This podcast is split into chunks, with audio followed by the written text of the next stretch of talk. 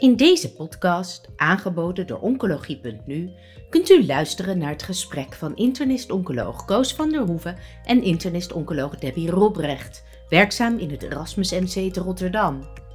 Aan bod komen de laatste ontwikkelingen met betrekking tot de behandeling van blaascarcinoom, gepresenteerd tijdens het ESMO Congress 2023. ESMO 2023 Madrid, heel veel informatie over de behandeling van gemetastaseerd blaascarcinoom met ook winst in overall survival. Interessant om daarover te praten met dokter Debbie Robrecht. Zij is internist-oncoloog in het Erasmus MC en houdt zich daar vooral bezig met de behandeling van urologische tumoren en ook met patiënten die cancer of unknown primary hebben. Welkom Debbie. Goedemorgen, uh, Koos. Dankjewel voor de mooie introductie. Waren de practice changing uh, voordrachten uh, bij de ESMO op het gebied van blaaskanker? Laat ik beginnen met te zeggen dat het voor de urologische tumoren een hele mooie ESMO was dit jaar. Um, we hebben studies gezien in de eerste lijn waar we het over gaan hebben. En we hebben ook wat mooie data gezien van um, um, ja, eigenlijk nieuwe modaliteiten binnen vroege stadia van blaaskanker, die toch ook wel um, ja, er heel veelbelovend uitzien. Dus het was een hele mooie ESMO dit jaar. We gaan het uh, hebben over die nieuwe studies, over die nieuwe behandelingen. Daar komt immunotherapie ook bij aan de orde. Maar laten we beginnen. Wat is de huidige stand van zaken in Nederland voor de toepassing van immunotherapie bij patiënten met blaaskanker? Op dit moment is het zo dat we in de standaard uh, uh, dagelijkse praktijk voor de patiënt met gemetastaseerd urotheelcelcarcinoom, dan wel van de blaas, dan wel van de hogere urinewegen, in de eerste lijn uh, chemotherapie geven in de vorm van platinum bevattende chemotherapie. Um, en als je dan uh, tenminste vier kuren van die platinumvattende chemotherapie hebt, hebt, gehad en je hebt daarbij tenminste een stabiele ziekte, dan kan je dat laten opvolgen door een onderhoudsbehandeling met avelumab, wat een vorm is van immuuntherapie, uh, anti-PDL1. Um, is het nou zo, en helaas komt dat toch ook nog wel bij een, eh, een, een realistische proportie van de patiënten voor, dat je uh, geen stabiele ziekte of respons onder de chemotherapie hebt, dan kunnen we wel alsnog bij mensen met progressie van ziekte immuuntherapie inzetten in de vorm van pembrolizumab, wat een PD1-blokker ehm, is. En we zien buiten de standaard uiteraard ja, veel inzet van immuuntherapie in verschillende op verschillende momenten van uh, patiënten met urinewegkanker. Ja, we gaan praten over de Checkmate 901-studie. Een studie die gepresenteerd werd vanuit het Antonie van Leeuwenhoekhuis, de dokter Michiel van der Heijden. En dat ging over de eerste lijns chemotherapie bij patiënten met een gemetastaseerd urotheelcelcarcinoom, waarbij cisplatin gemcitabine met of zonder nivolumab werd gegeven. Kan je nog iets zeggen over de inclusie van deze patiënten? Ja, um, inderdaad. Um, Michiel van der Heijden presenteerde de resultaten van deze Checkmate 901-studie. Um, ehm, en dat is eigenlijk de eerste keer dat we een positieve studie hebben waarbij het gaat om de combinatie van standaard platinum bevattende chemotherapie uh, en immuuntherapie met uh, anti-PD1. En dat werd in deze studie werd dat uitgezocht, deze combinatie in vergelijk met uh, de standaard eerste lijn chemotherapie uh, cisplatin gemcitabine in een fase 3 setting. En zoals ik zei, dit is een positieve studie, uh, want hiervoor hebben we dus negatieve studies gezien met een combinatie van standaard platinum bevattende chemotherapie met een PD1-inhibitor uh, of een PD-L1-inhibitor. Uh, wel te verstaan de Keynote 361-studie en de Invigor 130-studie. Nou, in deze studie werden dus eerste lijst patiënten geïncludeerd die uh, fit waren voor uh, cisplatin, gemcitabine, uh, chemotherapie. Ja. Ehm, die dus daarvoor geen behandeling nog hadden gehad voor een gemetastaseerde ziekte. En in deze studie werd een overlevingsvoordeel gezien van de combinatie met de chemo-immunotherapie van bijna drie maanden met daarbij een hazard ratio van 0,78. Um, dus wel degelijk winst, al is het niet een, een enorme grote hoeveelheid winst. Uh, maar het is toch wel een ander resultaat dan wat we hebben gezien uh, met de andere uh, twee studies. Ehm, als je kijkt naar de totale groep van, van de patiënten. En ehm, ja, wel een mooie overall response rate ook in die combinatie van ongeveer 58 procent. Uh, met met name een hele mooie duurzame respons in die patiënten die een complete respons behaalden. En dan werd er in de studie gezien dat dat uh, een duurzame respons was van 37 maanden. Um, ja, dat waren de belangrijkste resultaten van deze studie, maar zullen er niet toe gaan leiden dat we deze combinatie gaan toepassen enerzijds uh, voldoet het volgens mij niet aan de Pascal-criteria, maar anderzijds hebben we uh, andere data gezien waar we het over gaan hebben, die wel degelijk de eerste lijn zullen gaan veranderen. Voordat we daarover gaan praten, nog even naar de, zeg maar, de laatste getallen die ervan waren. De overall survival na twee jaar bij deze behandeling, die was met de nivolumab erbij 47%. En zonder de nivolumab was dat 40%. Dus, hè, dat zijn de 7 op de 100 die dan nog in leven zijn. Ja, sommige mensen vinden dat toch heel erg de moeite waard. Je hebt genoemd van ja, aan de Pascal-criteria voldoet het waarschijnlijk niet. Maar uh, zeg maar, de discussant die was wel erg enthousiast over deze studie. Kun je daar nog iets over zeggen? Um, ja, maar kijk, wat, zal, wat, zal, wat er dan uitkomt is dat toch altijd een subgroep van patiënten zal zijn die wel degelijk veel winst heeft van een, een dergelijke combinatie. En dat is met name waar je dan enthousiast van wordt. Hè, waarvan je zegt van kijk, er, is, er lijkt dus een, een, een groep patiënten te zijn uh, die je echt heel veel winst uh, geeft als je dus een combinatie van chemo met immuuntherapie geeft. Dan is natuurlijk aan de ene kant het heel erg belangrijk dat je weet wie is die subgroep. Hè? Wie, hoe kan je die identificeren?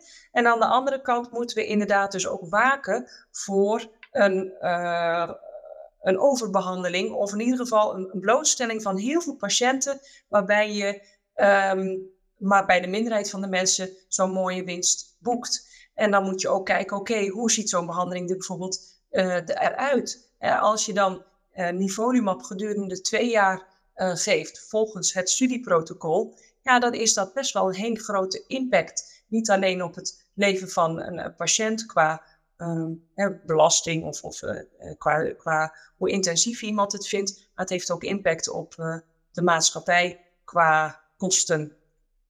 Oké, dus een studie met overlevingswinst, maar je zet er duidelijke kanttekeningen bij. Het zou fijner zijn als je subgroepen zou kunnen identificeren die er zeker baat bij hebben en anderen die er zeker geen baat bij hebben. En het is een langdurige en kostbare behandeling. Ik ga verder naar de volgende studie, die uh, misschien nog wel uh, uh, mooier was. Dat was de Keynote A39-studie. En dat was ook een eerste lijnstudie. En daar werd enfortumab vedotin met pembrolizumab vergeleken met chemotherapie. Eerst maar even een vraag over dat enfortumab vedotin. Wat is dat en wat is de rationale om dat bij patiënten met blaaskanker in te zetten? Ja, enfortumab vedotin, dat is een zogeheten antibody-drug conjugate. Uh, we zullen dat steeds maar vaker gaan horen binnen um, behandelingen van solide vormen van kanker, waaronder kanker van de urinewegen. Die antibody-drug conjugates die bestaan eigenlijk uit grofweg drie componenten. Je hebt een uh, antilichaam wat een um, een eiwit of een antigen herkent wat aanwezig kan zijn aan de buitenkant van een kankercel. Je hebt een uh, cytostatisch of cytotoxisch middel, uh, wat dan de zogeheten payload is. En tussen het antilichaam en die payload, daar zit een zogeheten linker die het met elkaar verbindt. Nou, en zo'n antibody-drug conjugate, die wordt dan via de bloedbaan gegeven Um, en het antilichaam herkent dan eigenlijk waar er een binding moet zijn van, uh, van het middel. Dat is uh, in principe de bedoeling dat dat de kankercellen zijn. Dan, worden die, die, dan wordt dat middel opgenomen in de kankercellen, geïnternaliseerd. En dan komt die payload komt dan vrij in de kankercel. En dan heb je daar eigenlijk het effect van het chemomiddel En bij uh, enfortumab vedotin is dat um, uh, op het niveau van de mitose, dat het daar een aangrijpingspunt heeft. Um, en, en, de, en, en, sorry nog even. En de enfortumab die heeft een binding met speciale eigenschappen van blaaskankercellen. Ja, dat is, uh, in dit geval is dat Nectin-4 voor dit antibody-drug conjugate. En Nectin-4, uh, daarvan wordt uh, gezien dat dat eigenlijk in een groot deel van de patiënten aanwezig is aan de buitenkant van, de, ehm, van het membraan van de, de urotheelcelcarcinoom patiënten.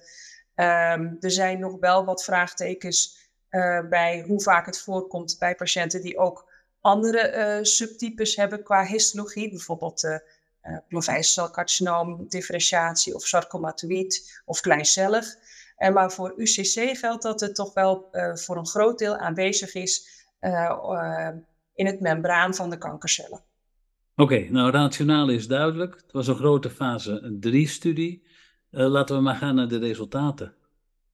Ja, het was dus een grote fase 3-studie met dus een vergelijk niet alleen van uh, enfortumab vedotin uh, maar het was een combinatie van EV met pembrolizumab en dan dus versus de eerste lijn standaard. En de eerste lijn standaard is dus weer uh, die platinumvattende chemotherapie, al dan niet gevolgd door onderhoudsbehandeling met avelumab. Het gecombineerde eindpunt in deze studie was uh, progressievrije overleving via centrale beoordeling en overall survival. En wat je dan ziet, zijn hele mooie resultaten van de mediane overall survival, als ik daar toch mee mag beginnen, van 31,5 maanden maar liefst versus 16,1 maanden in de controlearm, leiden tot een hazard ratio van 0,47. Um, en als je het dan uitsplitst ook naar de patiënten die cisplatin gemcitabine hebben gekregen of de groep uh, patiënten die carboplatin gemcitabine hebben uh, gekregen, die winst van die EV-pembro die blijft overeind. En je ziet wel dat de overall survival in de carboplatin behandelde patiënten toch wat lager ligt dan in de cisplatin behandelde patiënten. Maar we zullen daar toch nog wat meer details uh, moeten zien uh, eenmaal de, um, uh, nou, het manuscript gepubliceerd is. Um, vielen nog een paar andere dingen op. Um, viel me op dat ongeveer 50% een WHO 0 gescoord heeft. Dat is een hele fitte patiëntenpopulatie, als je het mij ja. vraagt. Ja. nou, ongeveer de helft van de patiënten was dus cisplatin fit. Het merendeel van de patiënten had viscerale metastase. Um, en iets vaker was er een PD-alleen positieve uh, ziekte. Uh, maar in de subgroepanalyse wat betreft PD-alleen uh, positiviteit of negativiteit was er eigenlijk geen verschillende winst tussen PD-alleen positief of negatieve ziekte als je het hebt over de EV-Pembro-winst. En, en, en, heel mooi is dat als je kijkt naar die curves van zowel de PFS als die OS, dan zie je dat er eigenlijk een hele grote zogeheten area under the curve is bij de EV-Pembro. Ja, en dat is toch ook wel een vertaling van een uh, respons die je behaalt, die vervolgens langdurig aanhoudt. Um, en de respons die gezien wordt met EV-Pembro, ja, dat, dat is niet geëvenaard met andere combinaties die we tot nu toe hebben gezien. Die was maar liefst 68% met ook uh, bijna bij een derde van de patiënten een complete respons. En, uh, en dus een, een langdurig aanhoudende respons. Nou, en overal survival winst van meer dan een jaar, soms wel 16 maanden afhankelijk van de groep die je bekijkt. Dat is, zoals je zegt, eigenlijk ongeëvenaard in deze setting. Um, de vraag is natuurlijk of dat er nou door het antibody-drug conjugaat komt, of door de combinatie met pembrolizumab. Um, kan je daar nog iets over zeggen? Zijn er ook aanwijzingen dat het antibody-drug conjugaat dat misschien alleen ook wel zou hebben kunnen doen? Uh, wat we weten van een andere studie, dat is de uh, EV103 en dan het cohort K. Dat was een uh, fase 2 gerandomiseerde studie waarbij EV mono vergeleken werd met EV Pembro. En dan zie je wel dat de EV Pembro combinatie leidt tot hogere response rates. Um, dus je ziet toch wel een toegevoegde waarde van, uh, van de, uh, de EV aan de Pembro of, of vice versa. Uh, in vergelijking met, met EV-monotherapie. Um, en um, het is dus ook wel effectiever dan Pembro-monotherapie in vergelijking met data van andere studies.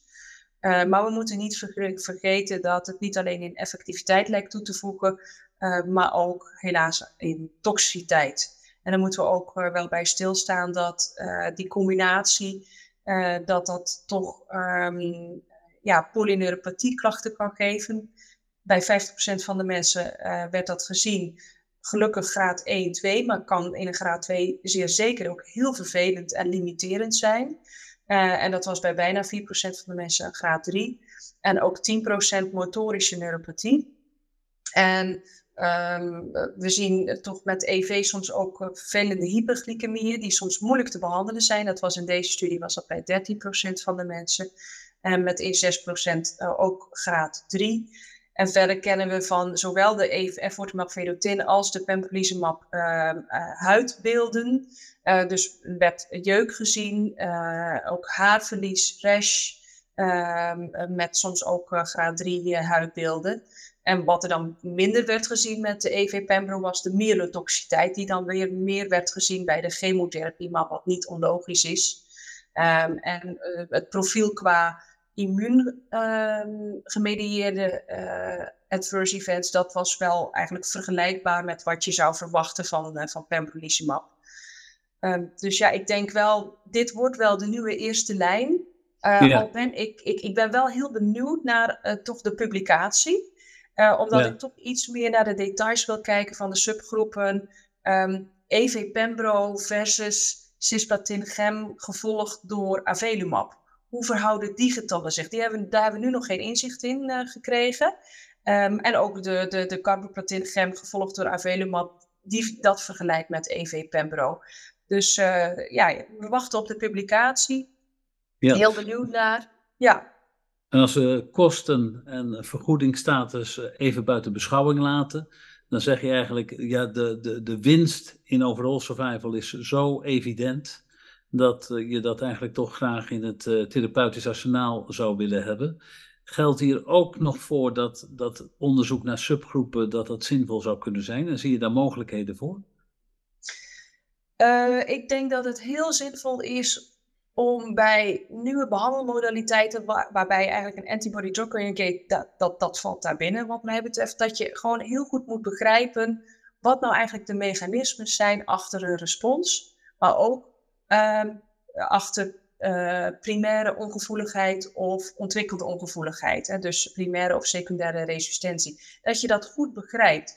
En die biologie en die kennis daarvan, die kan er ook toe leiden dat je vervolgens toch beter uh, zou kunnen nadenken over inderdaad subgroep of uh, patiëntstratificatie voor de ene versus de andere behandeling. Dus ik denk wel dat hier toch nog wel ruimte is en moet zijn voor aanvullende onderzoeken. En eigenlijk toch weer even nog weer een stukje, sta, ja, stapje terug maken naar het laboratorium wat dat betreft. Maar los daarvan, deze behandeling gaat wel komen. En ik, ik, ben er ook heel blij mee dat deze behandeling gaat komen. Want deze winst, ja, die is ongeëvenaard tot nu toe. Oké, Debbie, dat, waren hele mooie, uh, dat was hele mooie informatie. Zijn er nog dingen waarvan je zegt, die had ik nog graag willen vertellen over de urologische tumoren tijdens de ESMO?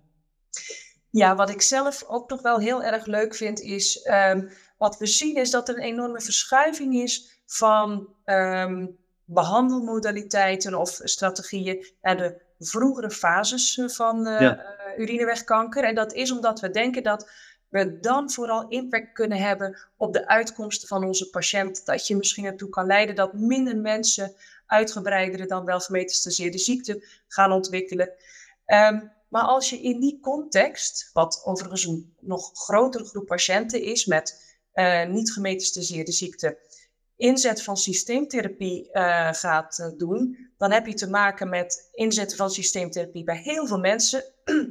en um, waarbij de, de, ja, de beoordeling ten aanzien van um, die toxiteit die zo'n systeemtherapie kan geven, ja, toch net wat anders uh, um, is dan wanneer je in de gemetastaseerde ziekte systeemtherapie inzet. Want als jij patiënten behandelt met systeemtherapie, die misschien helemaal nooit um, gemetastaseerde ziekte ontwikkeld zouden hebben, maar die door de systeemtherapie wel ernstige toxiciteit zou kunnen oplopen, ja, dat is nogal wat. En wat je dan ziet op de ESMO worden um, nieuwe uh, drug delivery devices uh, gepresenteerd. En dat zou misschien wel eens de way forward kunnen zijn om compounds in een orgaan, wel te verstaan in dit geval de urineblaas, te kunnen geven. Um, zonder dat er sprake is van een systemische blootstelling. En zo'n drug delivery system, ja, dat, dat, is, uh, dat is heel erg interessant. En als je daarmee inderdaad mooie responses kan uh, verkrijgen in die blaas bij een gelokaliseerde ziekte, zonder dat iemand daarbij systemische toxiciteit ervaart, uh, ja, dat, dat is zeker de moeite waard om daar verder op in te zetten wat daar echt de waarde van gaat zijn. Nou, ik denk dat het heel erg mooi is om mee af te sluiten. En uh, dat is ook het vooruitzicht dat er de komende jaren weer heel veel nieuws op deze grote conferenties te horen zal zijn. Dankjewel voor de informatie, Debbie. Heel graag gedaan. Bent u geïnteresseerd in meer podcasts? Deze zijn te vinden op de website oncologie.nu